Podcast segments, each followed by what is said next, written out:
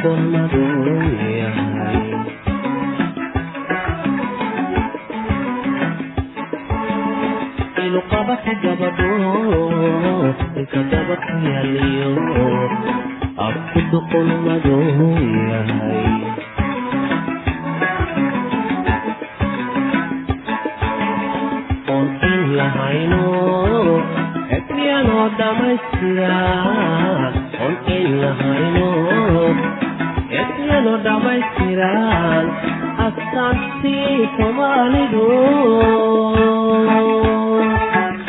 idinkood ka muuqdaan laakaysawayo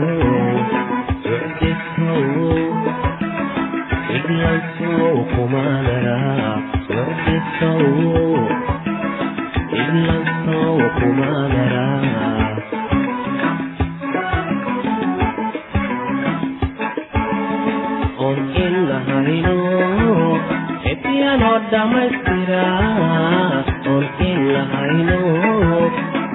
inuu dhamaystiran astaantii soomaalidu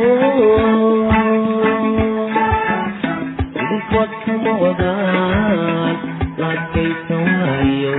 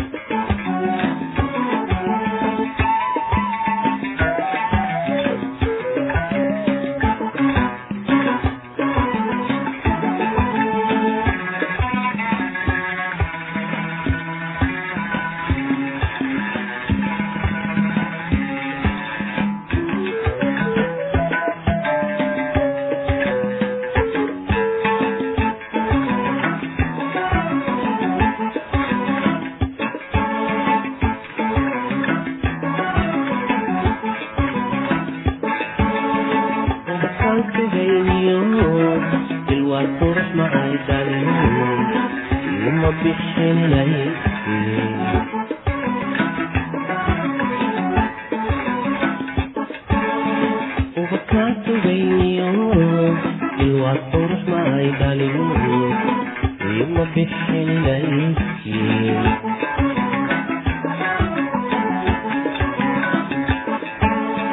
ayamaha bilayniyo anigii nasibkay ayamaha bilayniyo anigii nasibkay iwaadikaasowmayman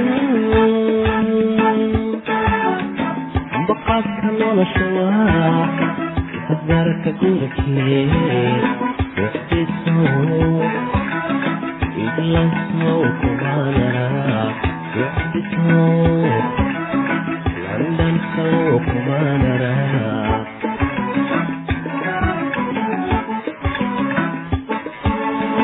ayamaha filayniyo anigii nasibkay ayamaha filayniyo anigii nasibkay ilwaadibtaasowayman ambaqaadka nolosha waa isafaraka gurikee wixdisow iglansow kumaanara wixdisow landansow kumaanara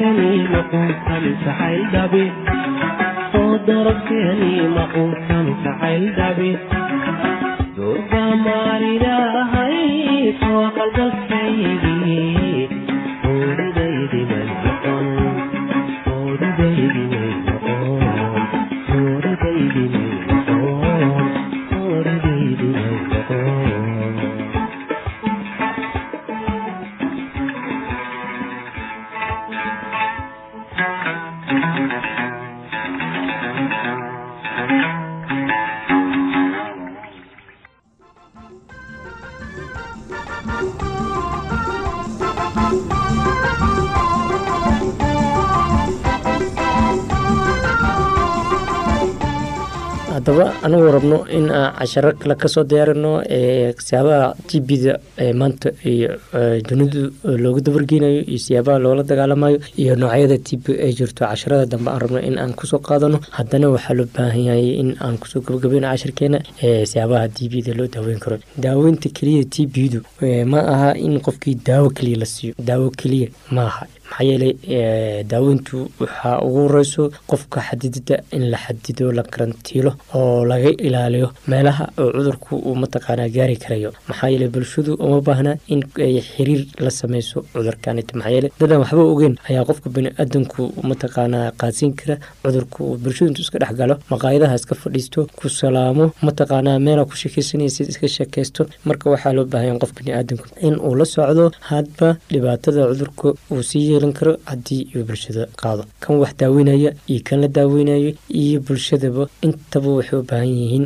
mataqaana taxadar ayaa loo baahan yahay. Marka labaad qofka bani-aadanku haddii cudurkii ku dhaco oo cudurkii qofka hayo waa in la helaa cudurkii see loo helaa marka cudurkii. Cudurkii waxaa loo helayaa in dhiig la qaado in cantoof la qaado in la sameeyo raajo in la sameeyo. Intaba mataqaana iyo in la qaado oo dhacaan. Marka intaasita cudurkii ayaa lagu helaya marka labaad cudurka qofka bani-aadanku waxaa weeye in la sii nasino meeshuu ku nasan lahaa uu joogi lahaa isolation waa in loo sameeyaa oo qofkii uu noqdaa qof lagu hen karo meel in lagu hen karo. Hadii la dhaho guryaha lagu daaweynaya cudurkii dadku si easy ayaa laga yaaba inuu fudo.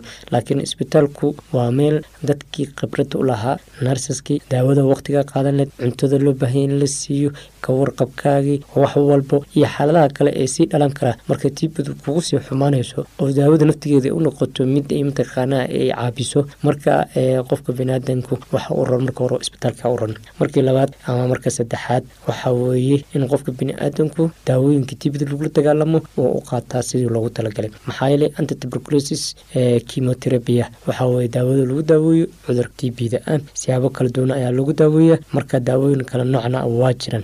Marka saddexaad marka afaraad waxaa weye tbdu qofka bini-aadanku waxaa la gaari karaysaa heel qalin ayay qaadi karaysaa. Sambabkia la qali karaya oo waxaa laga soo qaadaya dhacaamo badana lagasoo mataqaana meeshii laga soo qubaya keliyaha la qalaya waxaa la qalaya meel alla meeshii kelidii daamaj ka qaateen. Lafinodiskia la qalaya marka si looga hortago mataqaana cudurka inuu mataqaana sabab. Tibadu waxay ku dheci kartaa lafdhabartay ku ciri kartaa waxayna keeni karaysaa beraabalajiya wax la oo waxa qofka waa curyaamayaan. Marka meelahaasoo dhan waxaa loo baahan yahay surgical ayaa loo baahan yahay oo waxa weye lafdhabartii waa la qalaya dhacaanka meesha laga soo daadinaya. Keliyii dhacanka laga soo daadinaya. Marka marka alla markii mataqaana qofka baniaadamku taawadii looga waayo oo looga cali waayo marka maxaa yeelay xubnihii ayaa waxay sameeyeen isbeddel ku dhacay. Marka isbedelkaasiti dhacanka meeshii weli ku daahaya. Marka si aan dhacanka meesha ugu daahin ama xubnihii aynu u sii mataqaana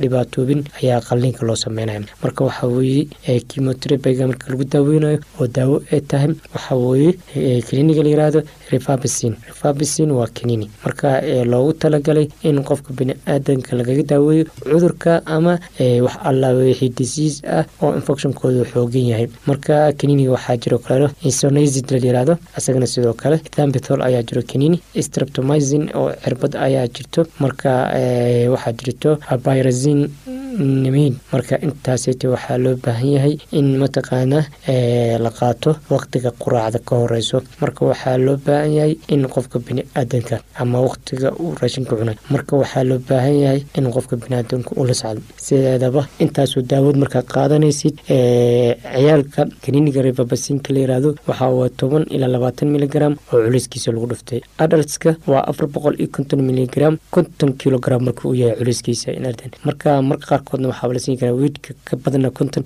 lix boqol miligram ayaa la siinaya insonazid acid ee kaniiniga la yirahdana carruurta aala waxaa la siiyaa saddex miligram kilogramka culayskiisa ayoo soo loo fiirinaya adaltska waxaa la siinayaa laba boqol ilaa saddex boqol oo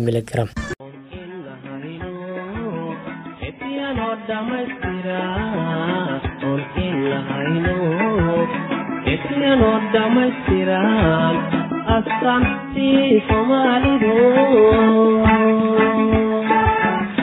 idinkood kama wadaan laadkaysa waayo wixdisow iglansow kumaanara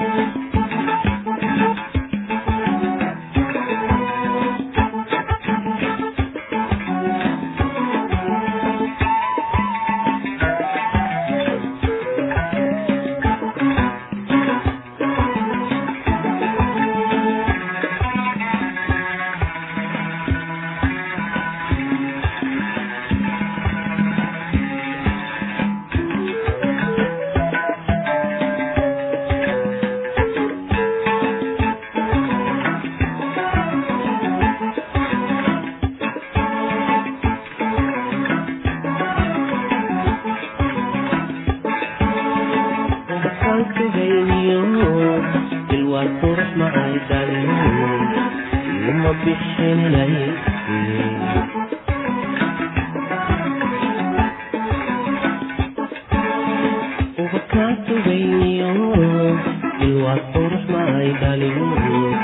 anigee masibkay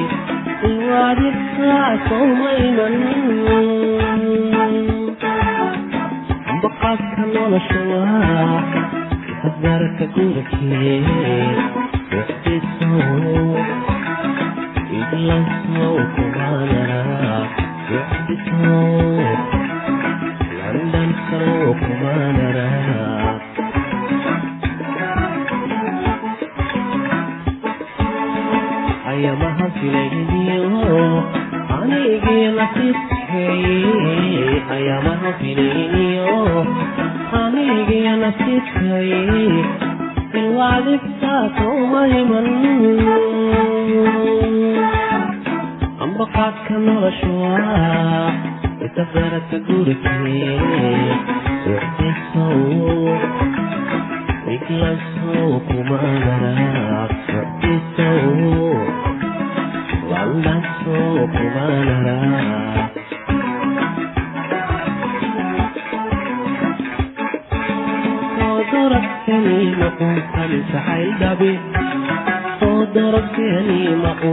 jacayl dhabi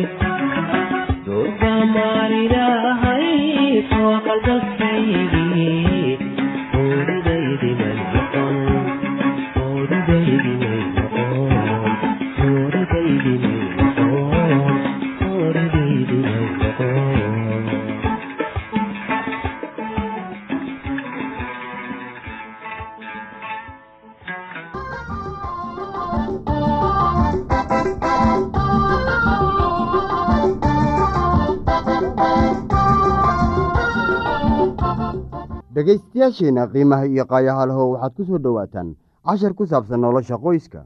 Barnaamijkeennii hore waxaynu ku soo qaadanay wareegga quduska ah ee reerka. Barnaamijkan waxaynu ku maqli doonnaa dugsiga ugu horreeya ee uu anugu waxbarasho u tago dugsiga. Ama waxbarashadu waxay ka bilaabataa guriga. Rabbiga waxa uu sheegay in qoysku yahay halka waxbarashada ugu sarraysa ay carruurtu ka hesho halkan. Iyada ah weeye halka la doonayo inay waxbarashadu ka bilaabato iskoolkiisa ugu horreeya ayaa halkan ah. Halkan oo uu waalidkiisu u yahay midka tusmada siinaya ayaa waxa uu ku baranayaa casharo noloshiisa hoggaamiya kuwaas oo ku saabsan dulqaad sabar iyo adeecid. Saameynta ay leedahay waxbarashada guriga ayaa ah awood go'aaminaysa xumaanta iyo wanaagga. Waxaa dhici kartaa haddii si loo fiiriyo inay yihiin kuwan qarsoon oo degan laakiin haddii loo riixo ama loo durkiyo dhanka saxa ah inay noqonayso awoodda runta iyo xaqa. Haddii canugu aan halkan lagu saxin shayddaan ayaa isaga wax baraya isagoo ugu imaanaya jidadkiisa oo goonida ah ee uu isaga doortay. Haddaba miyaad aragtaa sida ay u muhiimad tahay waxbarashada ay carruurta guriga ku qaataan? U arag guriga inuu yahay iskoolka carruurta lagu tababaro. Halka aad carruurta ugu diyaarinayso sidii ay ku qabsan lahaayeen howlahooda khaasatan tan guriga iyo bulshada laga doonayo. Waxbarashada guriga aad ayay muhiim ugu tahay carruurta waa arrin murugo leh taas oo ah arrin adduun weynaha oo idil laga qirtay in waxbarashada carruurta guriga lagu siiyo ay tahay mid la laayacay beryahatan ma jirto wax ka muhiimsan waxbarashada ay carruurtu ku qaataan guryaha. Kuwa ka qayb qaata waxbarashada ayaa iyaguna waxay meel weyn ka ciyaaraan mustaqbalka iyo as-aaska carruurtan ma jirto shaqo lagu aaminayo bani aadamka taas oo xambaarsan natiijooyin waaweyn oo aan ka ahayn shaqada hooyada iyo aabbaha waa carruurta iyo dhallinyarada maanta kuwa sutiga u haya mustaqbalka bulshada carruurtan iyo dhallinyarada waxay salka ku hayaan oo ku xiran yihiin qoyska. La'aanta barbaarin iyo tababar aan wanaagsanayn ee xagga qoyska waxaa maanta laga arki karaa kuwa faraha badan ee ay mustaqbalka mustaqbal xumada haysato iyo bulshadii ay qabsatay dembi sida dhaca xatooyada boobka. Haddii nolosha qoyska ahaan lahayd mid nadiif ah oo run ah haddii runtu loo soo barbaarin lahaa hab ay ku awoodaan inay la kulmaan mas'uuliyadda iyo khatarta ay noloshu xambaarsan tahay. Maxaa isbeddel lagu arki lahaa adduunkan? Canug kasta oo adduunkan la keenay waxa uu ka mid yahay xoolaha rabbiga waana in wax loo baraa oo loo tusaaleeyaa si uu u jeclaado una addeeco rabbiga. Waalidiin fara badan ayaa waxay laayaceen mas'uuliyaddii uu ilaah siiyey.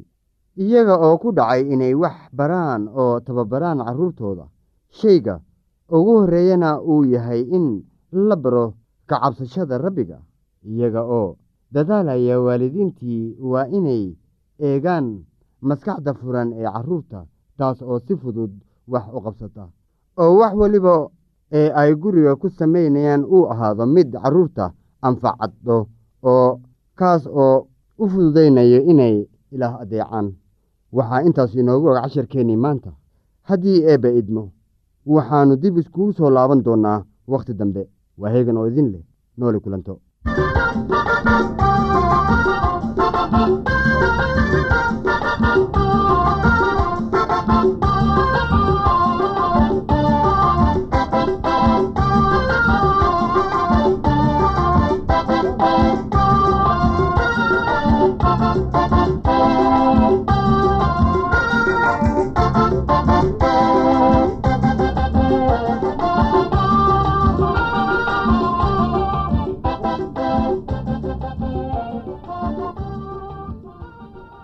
haddii aad qabto wax su'aalaha fadlan inala soo xiriir. ciwaankeenna waa radio somaly at yahu t com. Mar labaad ciwaankeenna waa radio somaly at yahu dt com. Barnaamijyadeena maanta waa naga intaas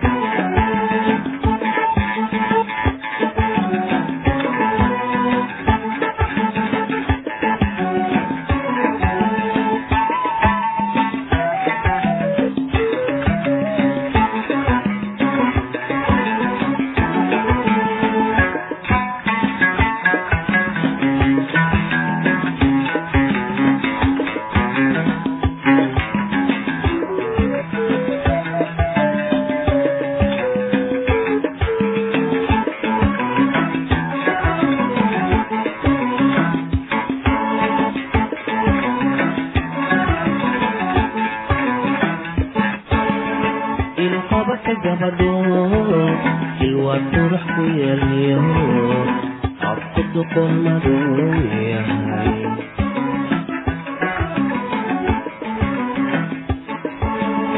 ilqabaka gabadho ilka daba ku yeelyo afku duqolmadu yahay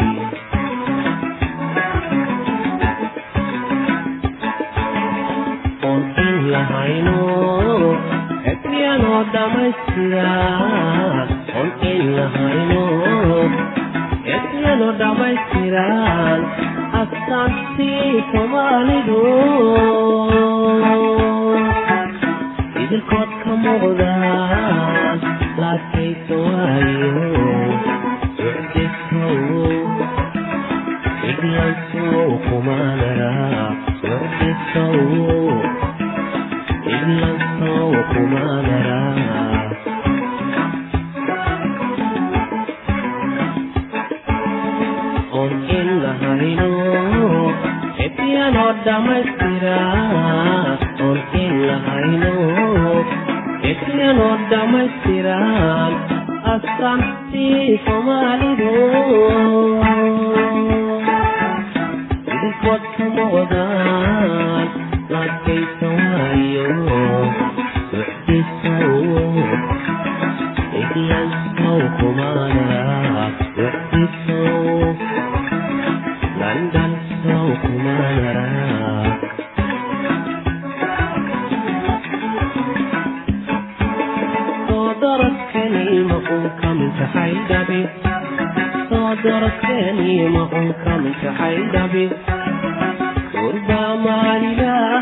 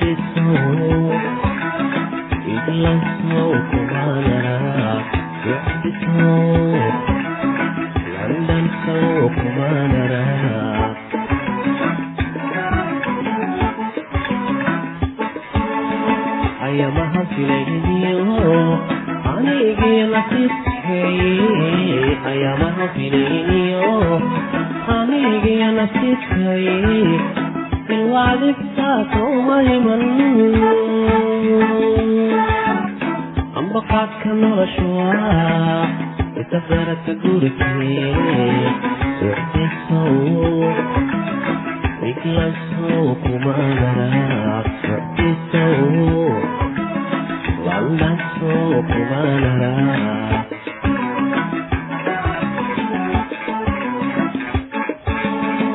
darabkani maquusan jacayl dhabi soo